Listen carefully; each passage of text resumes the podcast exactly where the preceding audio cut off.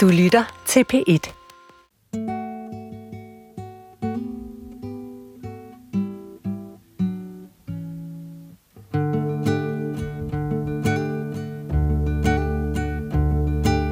Det har jeg aldrig prøvet før, så det kan jeg sikkert godt. For meget lærdom kan knække selv den stærkeste. Alle børn burde skydes. Behold, hvad der bliver til overs, og køb noget godt til børnene. Man kunne være en sørøver og en virkelig fin dame på samme tid. Der er få børnebogskarakterer, der bliver citeret lige så ofte som Astrid Lindgrens Pippi Langstrømpe. Men hvad kan bøgerne om Pippi, som både børn og voksne holder så meget af, egentlig sige om, hvordan vi bør leve? I en tid, hvor mange lever med angst, usikkerhed og har svært ved at finde en plads i verden, hvad kan vi så lære, hvis vi tager den karakter, så mange børn stræber efter at være på ordet? Da jeg øh, gik i børnehave, der ville jeg jo kaldes Pippi en overgang. Pædagogerne sagde til mine forældre, I kan ikke få Rikke med i dag, I skal kalde på Pippi. Det her er din ene vært. Hun hedder Rikke Kulin. Hun er 28 år og er kandidat i film- og medievidenskab. Og så har hun Pippi tatoveret på skulderen. Din anden vært hedder Sine Amtoft. Hun er 28 år og læser litteraturvidenskab. Og så føler hun sig egentlig mere som en Annika. Jeg kan mærke, at jeg bliver provokeret af Pippi. Og hun er altså 9 år, så det siger mere om mig, end det siger om hende. Men jeg bliver provokeret over hendes opførsel. I denne serie tager Rikke og Sine udgangspunkt i Pippis måde at håndtere angst, dannelse, penge, humor og køn, og undersøger, hvad vi i samfundet kan lære af Pippi Lotta, Victualia, Rulgardinia, Krusemønta, Efremsdotter, Langstrømpe. Jeg havde fuldstændig de samme tænder som Pippi, og jeg havde fregner, og jeg havde også bare den samme sådan, vildskab. Hun talte virkelig til noget inde i mig.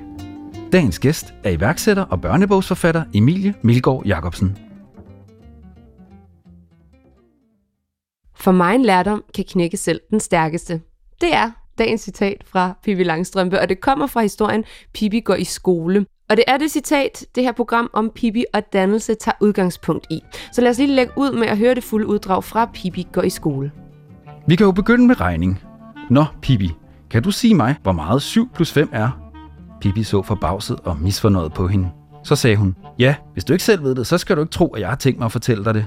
Alle børnene stirrede forfærdet på Pippi, og frøken forklarede hende, at man ikke måtte svare i skolen på den måde. Man skulle sige frøken til frøken. Undskyld mange gange, sagde Pippi sønder knust. Det vidste jeg ikke. Jeg skal aldrig gøre det mere. Men forresten, hvis du selv er så himmelhenrygt for det der pjader, hvorfor sætter du dig ikke for dig selv i en krog og regner og lader os andre være i fred? Så kan vi lade tage fat. Nej, nu sagde jeg jo du igen, råbte hun forfærdet. Kan du tilgive mig også denne sidste gang? Så skal jeg prøve at huske lidt bedre for fremtiden. Nu skal du se noget sjovt, Pippi, sagde hun hurtigt. Her har du et pindsvin. Og bogstavet over pindsvinet, det hedder P. Det har jeg svært ved at tro, sagde Pippi. Jeg synes mere, det ligner en streg med en bolle ved siden af. Frygten tænkes om grundigt. Hør, skulle vi ikke i stedet for synge en lille sang, foreslog hun. Alle børnene stillede sig op ved bordene. Alle, undtagen Pippi, som blev liggende på gulvet. Syng I, så hviler jeg mig lidt, sagde hun. For meget lærdom kan knække selv den stærkeste.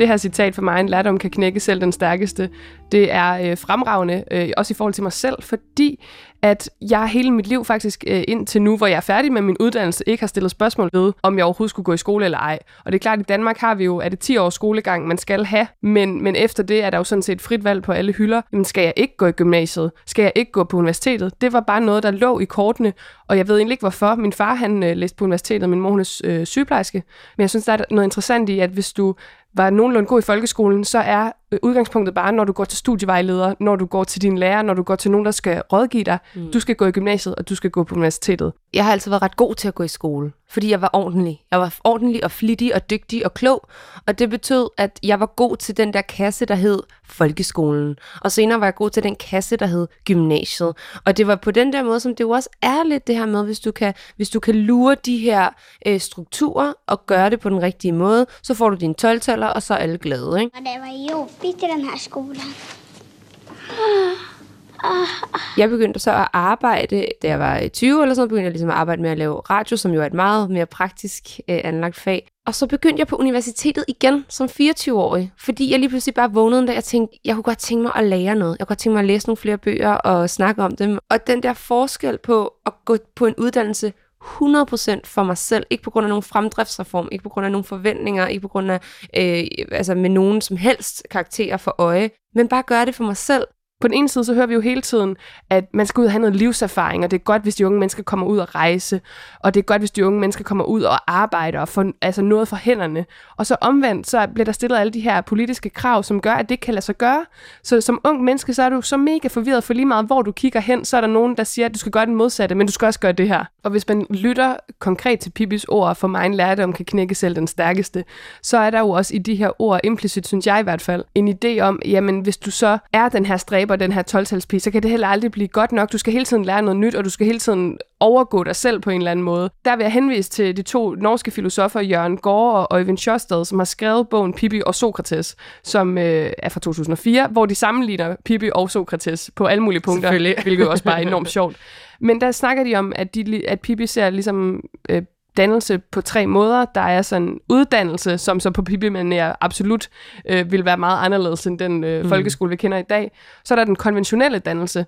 Det er jo også det her med, du skal lære at opføre dig ordentligt, du skal lære at gebære det der sådan og sådan, for ellers er du ikke ordentlig. Men så er der den vigtigste faktisk, som er hjertets dannelse. Du skal være et ordentligt menneske over for andre, og det allervigtigste, som jo er interessant med Pippi og hjertets dannelse, det er jo lige meget, hvem hun er sammen med, så gør hun jo faktisk ikke forskel på folk. Så du ved, hun behandler Tommy og Annika som sine gode venner, men hun behandler faktisk også folk, der vil hende det skidt på en god måde. Altså for eksempel de 22, Blom og Dunner Carlson. Der er den her historie, hvor hun øh, får besøg af de 22, hvor hun jo ender med at give dem nogle penge, fordi de mangler. Hjertets dannelse betyder ikke, at du nødvendigvis er naiv, men at du ligesom også er ordentlig over for andre mennesker. Altså jeg tror heller ikke, hun vil sige, at du aldrig skulle gå i noget, som var en skole det er jo ikke, fordi hun bare synes, at alt skal være anarki, af mit indtryk. Det er sådan, jeg læser hende i hvert fald. Men jeg tror bare, at du skal ikke uddanne dig for, at nogle andre skal høre dig i, hvad hovedstaden i Portugal er. Du skal vide, hvad hovedstaden i Portugal er, fordi du synes, det er spændende. Så spændende, at du godt kunne tænke dig at komme til Lissabon. Nå, hvad er 5 plus 7? Ved du det ikke selv, spørger Pippi. Og det er jo også vigtigt, hvis du netop gerne vil blive bedre til noget, eller uddanne dig i noget på den ene eller anden måde, så er det vel også altså motivationen, som faktisk er den vigtigste faktor. Det er vel motivationen, der driver os. Altså når vi sidder og laver det her, så er det jo også sjovt at lave, fordi vi har, jeg ved ikke om jeg vil sige, vi har en passion for Pippi på den måde, men vi brænder for det budskab, som hun har. Og hvis du interesserer dig for noget, brænder for noget, har en passion for noget, så er det meget nemmere at få det af hånden, altså få lavet noget, fordi det er jo sådan, altså det er jo benzinen for mig, der jeg synes noget er mega sjovt. Og lige præcis det her med øh, passion og med bare at synes noget er mega sjovt, det er det, vi snakker faktisk blandt andet med øh, dagens gæster om, eller dagens kilde. Og det er Emilie Milgaard Jacobsen, som øh, udover at være iværksætter øh, på sit eget sådan, online univers, jamen, så er hun altså også forfatter til børnebøgerne om øh, natbjørnen Chuga. Og øh, hende besøgte vi for at høre lidt om, hvad hendes forhold var til at gå i skole, og øh, også hvor hun måske synes, at øh, man skal smide reglerne lidt væk. Lige så langt tilbage, jeg kan huske, der har jeg altid gerne vil være noget for børn. Lige siden jeg var barn, har jeg tænkt, at jeg vil gerne være noget for børn. Jeg vil gerne passe børn. Jeg vil gerne øh, hygge med børn, lege med børn. Jeg tænkte så, at når jeg bliver voksen, så skal jeg noget med børn. Og derfor så valgte jeg at gå pædagogvejen. Det var så en uddannelse, der skulle vise sig at tage mig syv år, og den dag i dag, der ved jeg, at det var fordi, at jeg havde bare mega svært ved at gå i skole. Jeg havde også mega svært ved at gå i folkeskole. Det var op og bak at gå i skole, og jeg synes, det var op og bak at gå på HF, og jeg synes også, det var op ad bakke at tage pædagoguddannelsen. Det var absolut ikke spildtid, men det er bare en konstatering af, at det var mega hårdt for mig at gå i skole. Simpelthen bare fordi, at det var svært for mig at skulle indgå i nogle rammer, hvor andre dikterede, hvad det var, jeg skulle når jeg tog afsted om morgenen på arbejde for at passe 14 dejlige, dejlige unger, så havde jeg simpelthen cement i hele kroppen. Kroppen kan kun klare at have cement i sig øh, for en vis periode. Så ligesom en overophedet øh, computer, så kortsluttede jeg fuldstændig. Jeg blev separeret fra Daniel og blev skilt fra ham. Øh, jeg blev sygemeldt fra mit arbejde og valgte at sige op. Jeg røg på dagpenge. Jeg vævede ind og ud af diverse praktiksteder. Og jeg blev lige pludselig hende der på den anden side af skrivebordet, og var hende der, der skulle sidde over for en sagsbehandler og finde ud af, hvad er det næste, der skal ske, og hvordan synes du selv, det går, og mal en solsikke med alle dine kompetencer, og alt muligt andet, der bare hang mig langt ud af halsen. Jeg havde en Instagram, hvor at jeg havde øh, jeg tror på det tidspunkt, 4.000 følgere, og jeg delte dansevideoer og, og delte ud af power og alt muligt andet, fordi at jeg jo havde et ønske om at give noget nice til andre mennesker. Så jeg tænkte, prøv at tænke, hvis jeg kan tage det her Instagram-univers, som jeg allerede har gang i. Tænk, hvis jeg faktisk kan gøre noget større, holde online foredrag og hjælpe på den måde. Altså at mit pædagoghjerte kan komme ud til mange, mange, mange, mange flere end 14 vuggestuebørn. Så jeg valgte at gå selvstændig, uden egentlig helt at vide, hvad det var, at jeg ville. Jeg ville bare gerne løfte andre mennesker og give kærlighed og gøre det gennem Instagram. Så jeg gik ned i banken og sagde, at jeg vil gerne have en virksomhedskonto. Ja, hvad skal du lave med den virksomhedskonto? Jamen, øh, det er, jeg kunne, øh, jeg kunne virkelig godt tænke mig sådan igennem sociale medier at hjælpe andre mennesker og give dem power og kærlighed. Ja, øh, det er ikke noget, du skal låne penge til, vel? Nej, det håber jeg ikke. Øh, jeg, har, jeg skal bare bruge min telefon, og de, jeg kan huske, de, hende bankrådgiverne, de mænd, og nogle andre, der stod om på den anden side af disken, de var sådan, what? Så hun sagde bare til mig, jamen bare du kan indbetale øh, hver tredje måned, eller hvad det er, for at have den her virksomhedskonto, så må du gerne åbne en virksomhedskonto. Så jeg kappede alle bånd for at se, om noget nyt og spændende kunne lande, og det gjorde der så. For en lang periode, altså så havde jeg virkelig minus overskud jeg havde ikke engang overskud til at putte vores søn om aftenen, og, ja, og der skete bare mange omvæltninger. Så jeg fik en idé. Jeg tænkte, hvad nu hvis at jeg faktisk kunne skabe en lydmeditation, altså en form for godnathistorie for min søn, som ikke kun hjalp ham med at finde ro, men som også gav ham kærlig bekræftelse og lod ham vide, at han er fantastisk lige nøjagtig, som han er. Alt det, som jeg jo så gerne vil minde ham om, inden han øh, lægger sig til at sove. Hvis der, skal komme, hvis der skulle komme et dyr og passe på dig om natten, hvilket dyr skal det så være? Og han sagde, at det skulle være en bjørn. Så var jeg sådan, hak ud fra det. Og så spurgte jeg ham, hvad skal den bjørn så hedde? Jamen, den skal hedde Chuga. Så puttede jeg William og vores yngste søn, lille baby, Knud. Og mens de lå og sov, så satte jeg mig ind med en mikrofon, og så optog jeg en historie om en bjørn, der hedder Chuga, som kommer og inviterer barnet med på en drømmerejse til natskoven. Dejlige ven. Det er mig. Natbjørnen Chuga. Jeg har glædet mig til, at du vil komme i seng og putte dig ind til mig, for så kan du tage på en drømmerejse sammen med mig. Der er sikkert også andre, der gerne vil have, have den her historie med dejlige Chuga. Så jeg tegnede et billede af, hvordan den her bjørn, den så ud.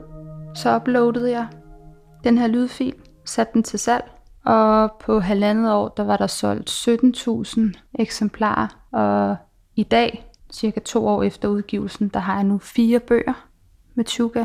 fire lydmeditationer, et kæmpe stort kostume der ligger nede i kælderen, og som er ude og øh, kramme på børn, og det tog fart, fordi en rigtig god idé landede på baggrund af, at der var noget, jeg selv manglede. Tuga er en kærlig bjørn, som der giver børn ubetinget kærlighed. Chuga elsker børn lige nøjagtigt, som de, som de er. Derfor er Chuga for alle børn. Med Chuga og Pippi, der, der har de det til fælles, at de elsker børn. Pippi hylder jo, altså i alle historier med Pippi, det er jo en stor hyldest af børn. Og jeg mener også, at Pippi, hun på et tidspunkt fortæller, at hun ønsker ikke at blive voksen, at hun vil bare gerne være barn for evigt. For lidt at bruge den reference i forhold til Tuga, jamen der er det, at jamen, ja, Tuga er skabt med et ønske om at give ro til børn, men også til voksne. Der er utrolig mange unge og voksne og ældre, som der lytter til Tuga, fordi alle sammen har vi jo brug for omfavnelse og forståelse og omsorg. Der vil jeg sige, at Tuga og Pippi, de de, de har det til fælles, at de taler til til børn og til det indre barn, altså til voksne, som har det her indre barn. Og at både Chuga og Pippi minder os om, at vi kan være her med alt, hvad vi er, at der faktisk ikke er noget, vi skal præstere eller levere, eller vi skal være noget andet end det, vi er. Du lytter til Pippi for voksne med Rikke Kulin og Signe Amtoft. Det er jo sjovt at lytte til det her, fordi der jo er en parallel mellem Astrid Lindgren og Emilie selv i forhold til at udvikle en børnebogs karakter til sit eget barn. Det er jo sådan, Pippi hun blev skabt. Det var Astrid Lindgrens datter Karin, som øh, sagde til sin mor, vil du ikke fortælle mig en fantastisk godnathistorie? Og så fandt hun på Pippi. Og der er jo sådan en, en spejling her fra... Øh, Emilie søn William, der også meget gerne ville have den her natbjørn Tuga, og det synes jeg, der er noget enormt smukt i, at vi har den her direkte parallel. Ja, og så videre til, at faktisk er der nogle andre, der også kan bruge den her. Ikke? Men det er jo noget, der ligger ud fra, hvad vi hører om Emilies egen historie her, det er jo noget, som giver mening i forhold til hendes måde at gribe tingene an på, og Pipis måde at gribe tingene an på, for der er jo også en parallel til Pippi på en eller anden måde, som der også er en parallel til Astrid Lindgren, fordi hun, hun ser, hvad hun ligesom har brug for, og så gør hun det. Og det er jo også en ting, som i hele det her øh, dannelsesbegreb, altså at, at finde ud af, hvad har jeg brug for, og hvad har jeg brug for, at verden har brug for for mig. Nu bliver det meget meta, men sådan den der måde at sige, øh, der mangler noget, og jeg kan lave det, så det gør jeg. Det er enormt inspirerende med det her mod, det jo også kræver at gå udenom øh, systemet på den måde, fordi jo, vi har et uddannelsessystem, og Emilie har som sådan også været igennem det, men det her med at sige, når man du er uddannet, så skal du jo også arbejde inden for det, du er uddannet som, og have det her mod til at gå en anden vej. Ja, og lige præcis det her med at gå den anden vej, det er jo også noget, som hun øh, på en eller anden måde først kunne se sig nødsaget til at gøre, efter at, at hun jo, som hun selv formulerer det, gik på arbejde hver dag med cement i kroppen. Altså, og den følelse tror jeg, der er rigtig mange voksne mennesker i dag, der har. Men, men det er nærmest som om vores børn også, vi begynder sådan at, at, at putte det over på vores børn også lidt, det her med, at, at der er det her system, og der er de her kasser, og sådan skal det være. Øh, og det prøvede Emilie jo, kan man jo fornemme og finde ud af. Og hun kunne bare ikke, og det kan Pippi jo heller ikke. Altså, der er jo bare de her måder, hvor at hun bare ikke passer ind. Og det er, jo det, det er jo den konsekvens, Emilie hun tog. Og derfor synes jeg, at hendes øh, historie er så relevant for det her, den her snak om, om dannelse og uddannelse. Og så mener Emilie også, at vi skal øh, tænke lidt mere som børn, og vi skal lytte mere til børn. Og øh, det har vi også snakket med hende om, og det kan I høre lige her. Pippi hun gider jo bare ikke det der skole, og jeg tror, der er mange børn, der kan ikke genkende til det der med, at så skal man det, og så skal man det, og man følger med, fordi man skal. Så det Pippi hun jo også gør i de her øh, situationer, hvor man følger hende øh, en dag i skolen, det er, at hun jo egentlig lidt latterliggør det, som der skal læres i skolen, som der er nogle voksne, der beslutter, at børnene skal lære, og det tror jeg kan være en befrielse. Det er jo det, øh, Pippi hun går ind og frigør sig fuldstændig fra, og bare siger, men der er ikke nogen, der skal bestemme, hvad jeg skal, fordi det giver simpelthen ikke mening. Og det kan jeg da selv huske. Jeg havde sådan lidt, jeg kan spørge Google, når der er nogen, der sådan på en eller anden måde prøvede at, at forsvare over for mig, hvorfor er det vigtigt, at du ved det her. Øhm, lidt ligesom hovedregning af sådan en som mig med den hjerne, jeg har. Altså, jeg kan stadigvæk den dag i dag ikke træde tabellen. Det lykkedes mig at blive millionær alligevel. Men man kan sige, hvorfor er det det vigtigt at vide, hvad hovedstaden i Portugal hedder? Er det måske ikke vigtigt, at vi ved noget om, hvordan er det at leve i Portugal, i stedet for at have den her dang, dang, dang, dang, dang viden. Jeg tror, Astrid Lindgren måske allerede dengang godt har vidst, alt er i konstant udvikling og forandring, og vi er lidt nødt til at følge med i tiden, i stedet for hele tiden at låse os fast på, at der er én slagenvej, og det er bare den, vi skal køre, også når det kommer til undervisning. Så det er jo egentlig et politisk opgør på en eller anden måde, hun kanaliserer ud igennem Pippi-universet, hvor at voksne kan få lov at kigge lidt på sig selv udefra. Jamen forstår du da ikke, at du er nødt til at gå i skole, sagde betjenten. Hvorfor er man nødt til at gå i skole? Jamen, Tænk på, hvor trist det bliver for dig at være så uvidende. Tænk, når du engang bliver stor, og nogen måske kommer og spørger dig, hvad hovedstaden i Portugal hedder, og så du ikke kan svare. Det kan jeg da godt svare på, sagde Pippi. Jeg siger bare, hvis du virkelig er så syg efter at få at vide, hvad hovedstaden i Portugal hedder, så skriv dog direkte til Portugal og spørg. Jamen, tror du ikke, at du vil synes, det var lidt kedeligt, at du ikke selv vidste det? Det er da muligt, sagde Pippi. Jeg vil jo nok ligge vågen om natten en gang imellem og spekulere og spekulere, hvad pokker hedder hovedstaden i Portugal? Men man kan jo heller ikke have det sjovt hele tiden, sagde Pippi og stillede sig på hænder. Forresten har jeg været i Lissabon med min far. Jeg mærker lidt, at folk de gerne sådan vil høre om, sådan, hvor svært det har været, hvor, og hvor hårdt det har været. Og det har egentlig været utrolig let for mig. Fordi at jeg bare er gået med flowet og lyst og nydelse og den måde, som jeg laver business på. Det er ikke med den der, ja, Øh, familien, de ser bare slet ikke til mig, og jeg knokler bare derud af, og jeg har søvnløse nætter, og, øh, og så er det lidt som om, at så kan der blive klappet i hænderne. Ej, hvor var det flot. Ej, hvor var det fantastisk. Det er lidt de her med, med normer, og hvornår man har gjort sig fortjent til noget. Jamen, det giver mening for mig, fordi jeg har lyst. Der er Pippi bare virkelig, virkelig god øh, inspirationskilde, fordi det er faktisk nok bare at mærke lyst eller mærke, det har jeg ikke lyst til. Jeg tror, Pippi er vigtig for børn at have, fordi at hun går ind og skaber et totalt frirum. Og jeg tror også, at der sker et clash for utrolig mange øh, børn og unge, at der er alle de her valgmuligheder, men vi får alligevel at vide, at man skal beslutte sig for et eller andet, og der er en bestemt vej, man skal gå, og man skal finde den rette hylde osv. osv. Så derfor er det vigtigt med nogle universer, som bare er fuldstændig fritaget for alt, hvad der hedder løftede pegefinger og rammesætninger. I et sådan, kan man sige, nutidigt samfundsmæssigt perspektiv, der giver det utrolig meget mening at kigge på, hvad det er, Pibi gør, og hvad det er, hun øh, kan. Alle forældre skal ikke smutte for deres børn og stille en kiste med guld, og så kan børn bare øh, klare sig selv. Men det, som der er i Pippis univers, det er, at tingene bliver vendt 180 grader på hovedet. Vi ser, at Pippi, hun er mega kompetent. Hun formår at klare utrolig mange ting selv, på trods af, at der ikke er vokseninvolvering.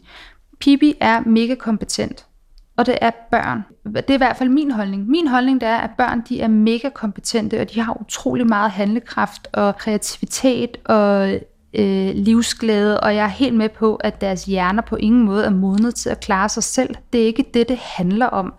Men det er også noget med at have tillid til, at børn er eksperter i eget liv, og de faktisk formår at udtrykke sig og fortælle, hvad det er, der er vigtigt for dem i deres liv, hvis vi giver dem muligheden for det.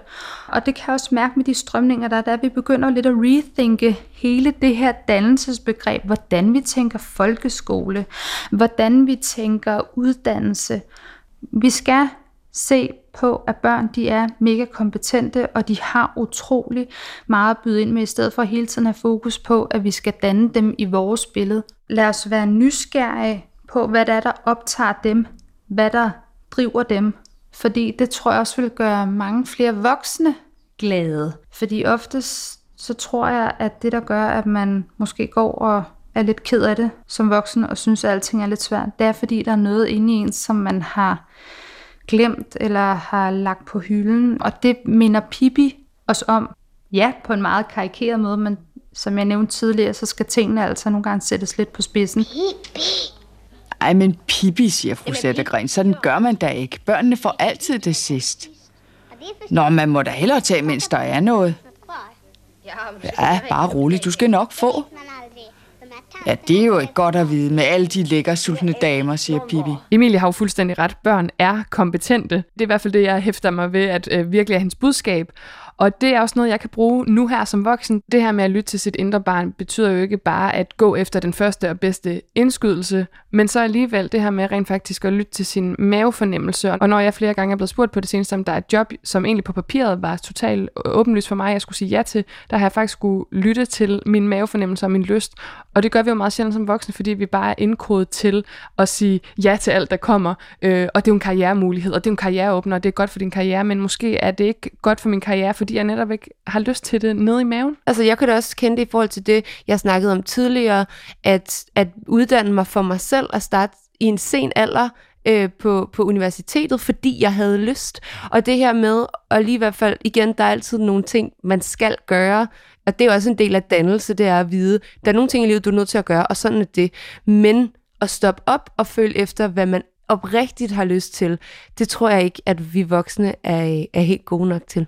Ja, og så er det også meget inspirerende at høre Emilie sige, at man sagtens kan have en forretning, som er drevet af sin egen lyst, og som er drevet af noget positivt, og ønsket om, at du godt kan forene familieliv med arbejde. Fordi vi tit har den her modsætning, som hedder, jamen hvis du vil starte din egen virksomhed, så kan du ikke se din familie de tre første år. Og det er noget forhold, man kan sagtens tilpasse sig øh, sit behov om at, at drive en forretning, og så kunne se sin familie, og det synes jeg, Emilie er et fantastisk eksempel på. Og så synes jeg, hun er rigtig god til at bruge Pippi konkret som eksempel i forhold til det her med at få de voksne til at se sig selv udefra. Altså, jeg tror, hun har ret, når hun siger, at Astrid Lindgren vidste godt det her med, at vi bliver nødt til hele tiden at opdatere os på, hvordan danner vi, hvordan uddanner vi, fordi vores uddannelsessystem og vores idé om dannelse er altså meget gammeldags. Det er den stadig den dag i dag. Øh, vi har stadig en hverdag, hvor man møder klokken 8 i skole og klokken 9 på arbejde og går hjem klokken 4, og når det er vinter, så lægger man sig bare til at dø. Altså, og jeg tror, at den her måde at lige se os selv udefra med en, en, der står i skolen og siger, hvorfor er det lige, vi gør det her? Det synes jeg, at øh, Emilie er rigtig god til at, at finde eksempler på, og jeg synes, det er en rigtig vigtig snak at tage. Ved du hvad, siger Pippi. Jeg kan altså ikke holde ud at gå i skole, så jeg tager juleferie med det samme. Hvad tager du med fra øh, de ting, Emilie hun har fortalt os om i dag? Jeg synes, at hun øh, havde to rigtig gode læsninger af, af Pippi. Og jeg synes, at jeg tager med, at vi skal stoppe med at forsøge at danne børn i et billede, som alle skal passe ind i. Og så synes jeg, vi skal gå mere op i, hvordan det er at leve i Portugals hovedstad, end hvad den hedder. Hvad med dig? Jeg tager helt klart sætningen med, der er, det giver mening for mig, fordi jeg har lyst. Og det gælder især, det vil jeg gerne sige til alle, der lytter med, øh, når det kommer til uddannelse, for jeg har oplevet flere gange, hvor jeg har tænkt, det her har jeg faktisk ikke rigtig lyst til. Så man skal øh, mærke efter i maven. Vi slutter også lige programmet af med at høre dagens gæst, altså Emilie Milgaard Jacobsen. Hvad vil Pippi som voksen lave? Noget, hvor at der bliver skabt et frirum for børn. Villa Villa Kula bliver sådan en, et fritidshus for børn, hvor de bare kan komme og være og bage brunkager på, øh, på gulvet øh, under øh, selvfølgelig hygiejnisk øh, smiley-ordning, øh, og hvad hun ellers er nødt til at underlægge sig, den kære Pippi. Hun vil skabe en arbejdsplads omgivet af børn, hvor børn kan komme og få et øh, frirum. Så jeg tror, Pippi hun måske vil, være, hun vil blive pædagog.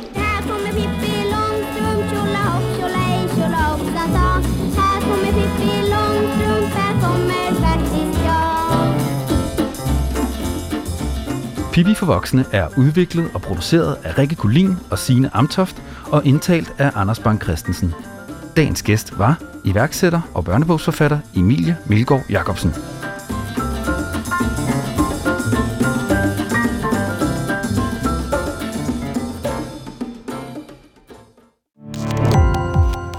Gå på opdagelse i alle DR's podcast og radioprogrammer. I appen DR Lyd.